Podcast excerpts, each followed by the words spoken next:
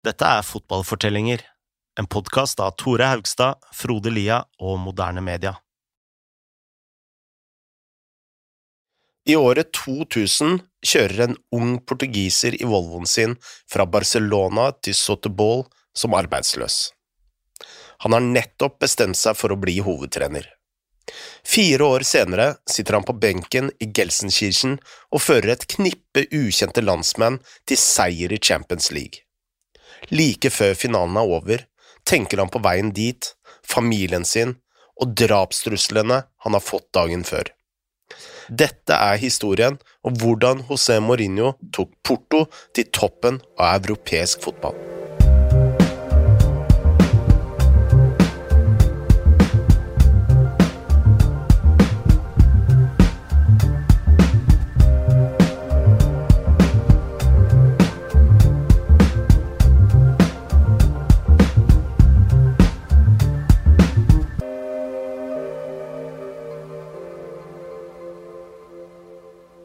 Så fort José Mourinho hadde parkert Volvoen sin i hjembyen Sotobol, begynte han sin eh, trenerkarriere for alvor. Han hadde sagt opp som assistent for Louis van Gaal i Barcelona etter å ha blitt kjent som eh, Bobby Robsons oversetter og speider, men nå var han lei av å få beskjeder fra andre. Han skrev ned sine metoder i en bok han kalte for Treningsbibelen, og det tok ikke lang tid før han fikk bruke dem. Kun en måned senere ble Mourinho ansatt av Benfica. Da gjorde han det bra, men eh, så fort presidenten Joao Valle e Acevedo tapte valget, så kom han på kant med det nye styret og dro. Sommeren 2001 fikk han en ny sjanse i et mindre lag kalt Uniao de Leiria, og eh, innen juletider så lå de på en imponerende fjerdeplass. Så da Porto sparka Octavio Machado i januar den samme sesongen, så gikk de for denne unge, karismatiske Mourinho. Porto var i krise. De hadde vunnet ligaen fem ganger på rad fra 1995 til 1999. Men de to siste årene hadde både Sporting og Boa Vista blitt mestere. Nå lå de blå dragene, som det ble kalt, på femteplass. Mourinho fortalte umiddelbart pressen at Porto kom til å vinne ligaen den neste sesongen, men at de var sjanseløse akkurat det året. Faktisk sa han at dette var Portos verste lag på 26 år. Det er ikke mitt lag, skrev Mourinho, og det fantes veldig få spillere jeg kunne stole på. Den sesongen endte Porto på tredjeplass, som ga billett til Uefa-cupen. De hadde knapt ei krone i banken, så Mourinho måtte nøye seg med å hente venstrebacken Nuno Valente og spissen Derlei, som han kjente fra Leiria. Han hadde oppdaga Derlei da han personlig hadde flydd ned til Brasil for å leite etter røverkjøp. Andre navn som kom inn den sommeren, var Paulo Ferreira fra Vitoria de Setobal og midtbanespilleren Manish fra Benfica. Og så signerte Mourinho også en viss andre keeper, som het Nuno Espirito Santo og denne gjengen skulle utgjøre Portos grunnmur de neste to årene. De vant umiddelbart ligatittelen, akkurat som Mourinho hadde lovet, med elleve poeng foran Benfica. Den sesongen vant de også den portugisiske cupen og Uefa-cupen, hvor de slo Martin O'Neills Celtic i finalen. Etter finalen ble Mourinho spurt om de skulle hevde seg i Champions League, en turnering de ikke hadde vunnet siden 1987. Vi kan utrette et par ting, svarte han, men jeg tror ikke vi kan vinne den. Sommeren 2003 styrka Mourinho stallen igjen. Han solgte heller på Stiga, men slo kloa i Benny McCarthy fra Celta, rivjernet Pedro Mendes fra Gumaraish og vingen José Bosingva fra Boavista. Igjen var Porto ustoppelige i ligaen. Da sesongen var over, hadde de tatt 100 av 102 mulige poeng på hjemmebane i ligaen over de siste to årene under Mourinho. Men i Champions League hadde det vært en liten regelendring, hvor lagene nå skulle spille en utvida utslagsrunde i stedet for to gruppespill som før. Det betydde at Portugals sjanser allerede var små. Eh, forrige sesong hadde ingen portugisiske lag overlevd kvaliken. Selv om Mourinho drømte om å vinne Champions League, skrev han at målet var å kunne nå utslagsrundene og deretter slå ut et stort lag. Det var ingen glamorøs gjeng han tok med seg inn i turneringen, for eh, Porto var et eh, hardtarbeidende lag uten særlig stjernenykker. Førsteelveren inneholdt ni spillere med portugisisk eh, statsborgerskap, hvorav unntakene var McCarty og Delay. Ja, og denne gjengen brydde seg ja, på ingen måte om possession-fotball eller fancy spill. De spilte 4-3-3 i ligaen og bytta til 4-4-2 med diamant på midtbanen i Europa. De to spissene var Dalai, som løp mye ut på kant, og McCarthy, som var en sånn typisk uh, ja, målskårer som luska mye inn i boksen og var god i lufta. Like bak de så uh, opererte Deko, som var egentlig den eneste skikkelig kreative spilleren i laget. Like bak han spilte Costinha, Pedro Mendes og Maniche, en trio som løp og takla og kjempa og kriga sine rivaler i senk. De to offensive backene var Nuno Valente og Paulo Ferreira, mens kapteinen var rutinerte Jorge Costa i midtforsvaret, ved siden av en sprek Ricardo Cavallo. Buret ble vokta av Vitor Baia. Dette laget var ekstremt godt drilla. Vi har jo lenge kjent Mourinho som en defensiv trener, men dette portomannskapet sto høyt med den bakre fireren. Om noen klarte å trenge gjennom de tre høvdingene på midtbanen, ville Costa og Carvalho støte opp umiddelbart. Dette laget har blitt skapt for å vinne kamper, sa Mourinho. Vi kan ikke forsvare oss, og hvis jeg en dag dukket opp i garderoben og sa at vi burde spille mer defensivt, tror jeg spillerne mine ville sparket meg ut. Denne disiplinen ble kombinert med en god porsjon kynisme. Da Porto hadde slått Celtic, sa O'Neill at de hadde brukt hver eneste triks i boka, og jeg tror ikke det var ment som et kompliment. De konstruerte frispark når de kunne, og var heller ikke redde for å spille tøft. Den sesongen i Champions League skulle de pådra seg 68 frispark og syv gule kort, som var mer enn noe annet lag.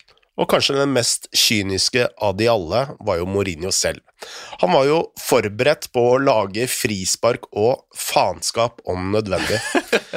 Da Porto hadde spilt eh, i Uefa-cupen i semifinalen mot Lazio, hadde han rett og slett holdt igjen vingen Lucas eh, Castroman i trøya idet han skulle ta et kjapt innkast. Og dette var helt utrolig, på stillingen 4-1 til Porto, og kampen var på overtid. Men Mourinho så at sidebekken var fullstendig ute av posisjon. Han ble utvist og suspendert til neste kamp, som eh, han måtte se fra tribunen. Fra sitt sete der sendte han beskjed ned til assistenten André Villas Boas, som blant annet beordra spillerne om å legge press på linjedommerne! Ja, ingenting med, var tilfeldig med, med Mourinho. Uh, men han visste jo at Porto var underlegne i, i Champions League-gruppa og måtte bruke de triksene han kunne her. Uh, for i den sesongen så møtte de Partisan, Marseille og Real Madrid i sin gruppe. De tok ett poeng i Beograd, uh, og så tapte de mot et Madrid-lag som var trent av Carlos Queiros. Så da Porto dro til Marseille, så visste Mourinho at de ikke kunne tape. Det ble en krig i Frankrike. Kampen inneholdt 60 frispark, og Porto pådro seg seks gule kort men de dro hjem med tre poeng. I den kampen skåret Didier Drogba for Marseille, og i pausen hadde Mourinho møtt ham og sagt Har du en bror eller fetter i Elfenbenskysten? Jeg har nemlig ikke råd for å hente deg til Porto. Porto vant så hjemme mot Marseille og Partisan, før de tok ett poeng i Madrid og kom seg videre. Før trekninga ville Mourinho ha Monaco, som han følte var det svakeste laget i turneringa, eller Manchester United, fordi de passa målet hans om å slå ut en storklubb. Og det var nettopp United han fikk servert. Om vi tapte mot de, så kunne ingen slakte oss med mindre vi tapte stort, skrev Mourinho. Alt vi trengte å gjøre, var å gå til krig. Innen den første kampen i februar hadde Mourinho justert angrepet. Delay hadde blitt skada, så inn kom 18-åringen Carlos Alberto, en eh, skikkelig gatespiller fra Brasil som var eh, teknisk, rask, slepen og leken. De møtte et eh, United-lag som skulle havne 15 poeng bak Arsenals Invincibles, og Rio Ferdinand han var suspendert i åtte måneder fordi han ikke hadde giddet å møtte opp til en dopingtest. Dette betydde at backrekka til United besto av Gary Neville, Phil Neville, Quentin Fortune og West Brown. Uh, og det var, sier litt om hvor svake United var på den tida. Og, Da må det gå som det går. ja, og, og vi kan jo ta med benken her også. altså Den skremte på ingen måte noen. Uh, greit. Cristiano Ronaldo var der, og han kom inn på siste kvarteret. Men utenom han så var innbytterne Roy Carroll, David Bellion, Kleberson, Erik Jemba Jemba, Diego Forlan og John O'Shay. Så eh, ja, Det er litt gode spillere der, da. Forlan får kreditt, men resten vet jeg ikke helt. Eh, men ja, dette var jo på ingen måte da noe legendarisk eh, United-lag. Porto vant 2-1 hjemme etter to mål av McCarthy, mens Roy Keane ble utvist for å stemple Vitor Baia. Etter kampen var Ferguson rasende og anklagde Porto for filming. Mourinho tolket det som psykologisk krigføring. Jeg skjønner hvorfor han er litt emosjonell, sa Mourinho til pressen. Man blir jo lei seg når laget man styrer blir dominert så kraftig av motstanderne, som har kun 10% av budsjettet. Ja. Eh, og Senere forklarte jo Mourinho eh, tanken bak dette utspillet. Jeg tenkte på hvordan vi kunne legge press på Ferguson og klubben hans, sa Mourinho. Ferguson hadde kalt Vito Baia en klovn. Han hadde sagt at Carlos Alberto og Deco var jenter som aldri kunne spilt i England. Og Da forklarte jeg bare at lønna til Ruud van Nistelrooy ville vært nok til å lønne alle mine spillere. Og sånne ting kan jo selvfølgelig bidra til psykologien til mine spillere. To uker senere ga Paul Scholes United ledelsen på Old Trafford. Han skåret et nytt mål, som ble annullert for offside, noe som var en gedigen feil. I pausen sa Mourinho at de måtte holde resultatet til 1-0, og så angripe de siste 25 minuttene. Like før slutt fyrte McCarty av et frispark som Tim Howard fomla ut i feltet. Der satte Costinia inn utligningen før Mourinho fløy opp fra benken og løp ned langs krittlinja mens han slo i lufta, og dette er jo berømte scener. Porto var videre i kvartfinalen, og en av turneringens mest ikoniske feiringer var født. I kvartfinalen møtte Porto Lyon, som var på vei mot en tredje strake ligatittel. De vant 4-2 sammenlagt, og da kampen var over, fikk Mourinho høre at Deportivo la Coruña hadde slått Milan 4-0 på hjemmebane og gått videre mot all forventning med 5-4 sammenlagt. Mourinho sa dette videre til Nuno Espirito Santo, som før hadde spilt i Porto. Mister, svarte Nuno, vi er allerede i finalen. I den andre kvartfinalen hadde Chelsea slått ut Arsenal, mens Real Madrid hadde spilt 5-5 mot Monaco og røket ut på bortemål. Det sto nå mellom Porto, Chelsea, Deportivo la Coruña og Monaco. Vi følte vi var det sterkeste laget igjen, som Mourinho. Før hadde han håpet på å vinne turneringen, men nå var håpet blitt til en forpliktelse. Men Deportivo var ikke noe dårlig lag. Javier Eiroeta hadde ført de til ligatittelen i år 2000, og de hadde stjerner som Walter Pandiani, Alberto Luque og Juan Carlos Valeron. På hjemmebane hadde de vunnet alle sine seks kamper i turneringa uten å slippe inn mål, men på bortebane hadde de tapt 4-1 i Milano og 8-3 i Monaco. Så i første kamp i Portugal forventa jo Mourinho at de skulle være defensive og prøve å holde rent bur, og øh, han fikk helt rett i det. Resultatet i den kampen ble en fryktelig kjedelig 0-0. Men tre minutter før slutt hadde det blitt litt drama. Deportivio stopper Jorge Andrade hadde dyttet borti Deko med en venstre støvel idet Deko reiste seg opp. Det var ment som en tullete gest, siden de to kjente hverandre fra landslaget, men dommeren Marcos Merck viste ham det røde kortet. Andrade protesterte og sa at Deco var jo vennen hans, men Merck sto fast på sitt. Etterpå fortalte Andrade hva Mark hadde sagt til han. Han unnskyldte seg ved å si at regler er regler, og at han ikke hadde noe valg. Han er tysk, han er en kald mann. Alt dette økte jo selvfølgelig spenninga før returkampen. Porto hadde mange spillere som var ett gult kort unna suspensjon, eh, og Irureta tolka dette som et tegn på hvordan dette laget oppførte seg. De kommer til oss med flere kort på boka, sa han, og det finnes en grunn til det. Da Porto skulle kjøre fra hotellet til stadion, så satt bussen plutselig fast i trafikk, og de kom frem kun en time før avspark. Sannsynligvis var dette bare uflaks, eller at det var en ulykke, eller at det bare var mye rush på den tida, men Mourinho Han var klokkeklar på at dette var noe som Deportivo hadde organisert. I hans hode var dette på ingen måte tilfeldig. Heldigvis for eh, Mourinho var Delay spilleklar. Da Deco ble felt inne i feltet, skåret Delay kampens eneste mål, og Porto var klar for finalen. Dagen etter dro Mourinho med familien til London for å se Chelsea møte Monaco på Stamford Bridge, hvor Monaco gikk videre med 5-3 sammenlagt. Selv Mourinho anså Monaco som et av de svakere lagene, så var de farlige. Didier Deschamps hadde Jérôme Rotin, lynraske Ludovic Julie og Fernando Morientes på lån fra Real Madrid. Stallen inneholdt også Hassan El Fakiri og Patrice Evra. Evra hadde faktisk fått et kutt på ankelen som trengte ni sting, men uh, i stedet for å gå til en uh, fysioterapeut eller kanskje teipe opp ankelen eller gjøre noe som var litt mer normalt, så hadde han gått inn til en slakter og bestilt et stykke kylling som han hadde pressa ned mellom foten og skoen.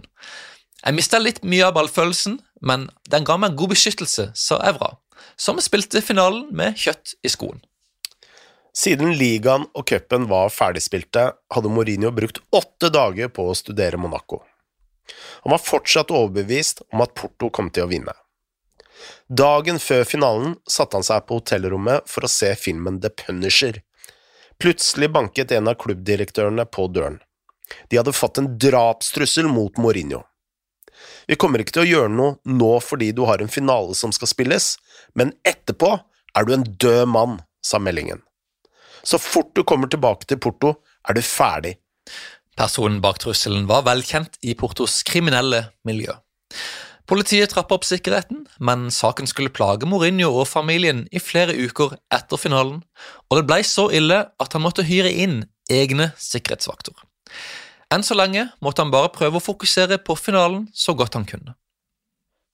Porto stilte opp i sin vanlige 4-4-2-diamant. På sidelinjen spaserte Mourinho rundt i en svart dress og lyseblått slips, mens de Champs sto i en åpen skinnfrakk som var en eh, ja, hva skal man kalle det, kunne nesten blitt henta rett ut fra The Matrix. Umiddelbart dyttet Porto opp sin bakre firer, som fanga Morientes i offside en rekke ganger. Men én gang burde flagget vært holdt nede. Så blei kaptein Gilly skadet, noe som fikk Mourinho til å løfte presset enda høyere opp i banen. Seks minutter før pause la Ferreira inn til Carlos Alberto, som smalt inn Portos første sjanse. Da la Mourinho laget umiddelbart dypere. Cavallo var overalt, mens to nye tvilsomme offsider gikk i Portos favør. Og vi må jo kanskje tenke at Mourinho igjen hadde lagt press på linjedommerne, eller et eller annet sånt, for her var de rett og slett veldig, veldig heldige. Idet Monaco kasta menn fremover for å utligne, så regisserte Porto en kontring hvor Deko løfta ballen iskaldt i mål fra 14 meter. Da Dimitri Alenechev la på til 3-0, kunne Mourinho snu seg mot Villas Boas og Rui Faria og si det er det, vi er europeiske mestere. Da Kim Milton Nilsen blåste av kampen, feira alle Portos spillere og trenere utenom Mourinho. Han tenkte kun på kona og de to barna sine. De hadde vært under tett oppsyn på tribunen, men så fort kampen var over, kom de ned på banen. Det var lettelse, lykke og følelser. Uforglemmelige følelser, skrev Mourinho.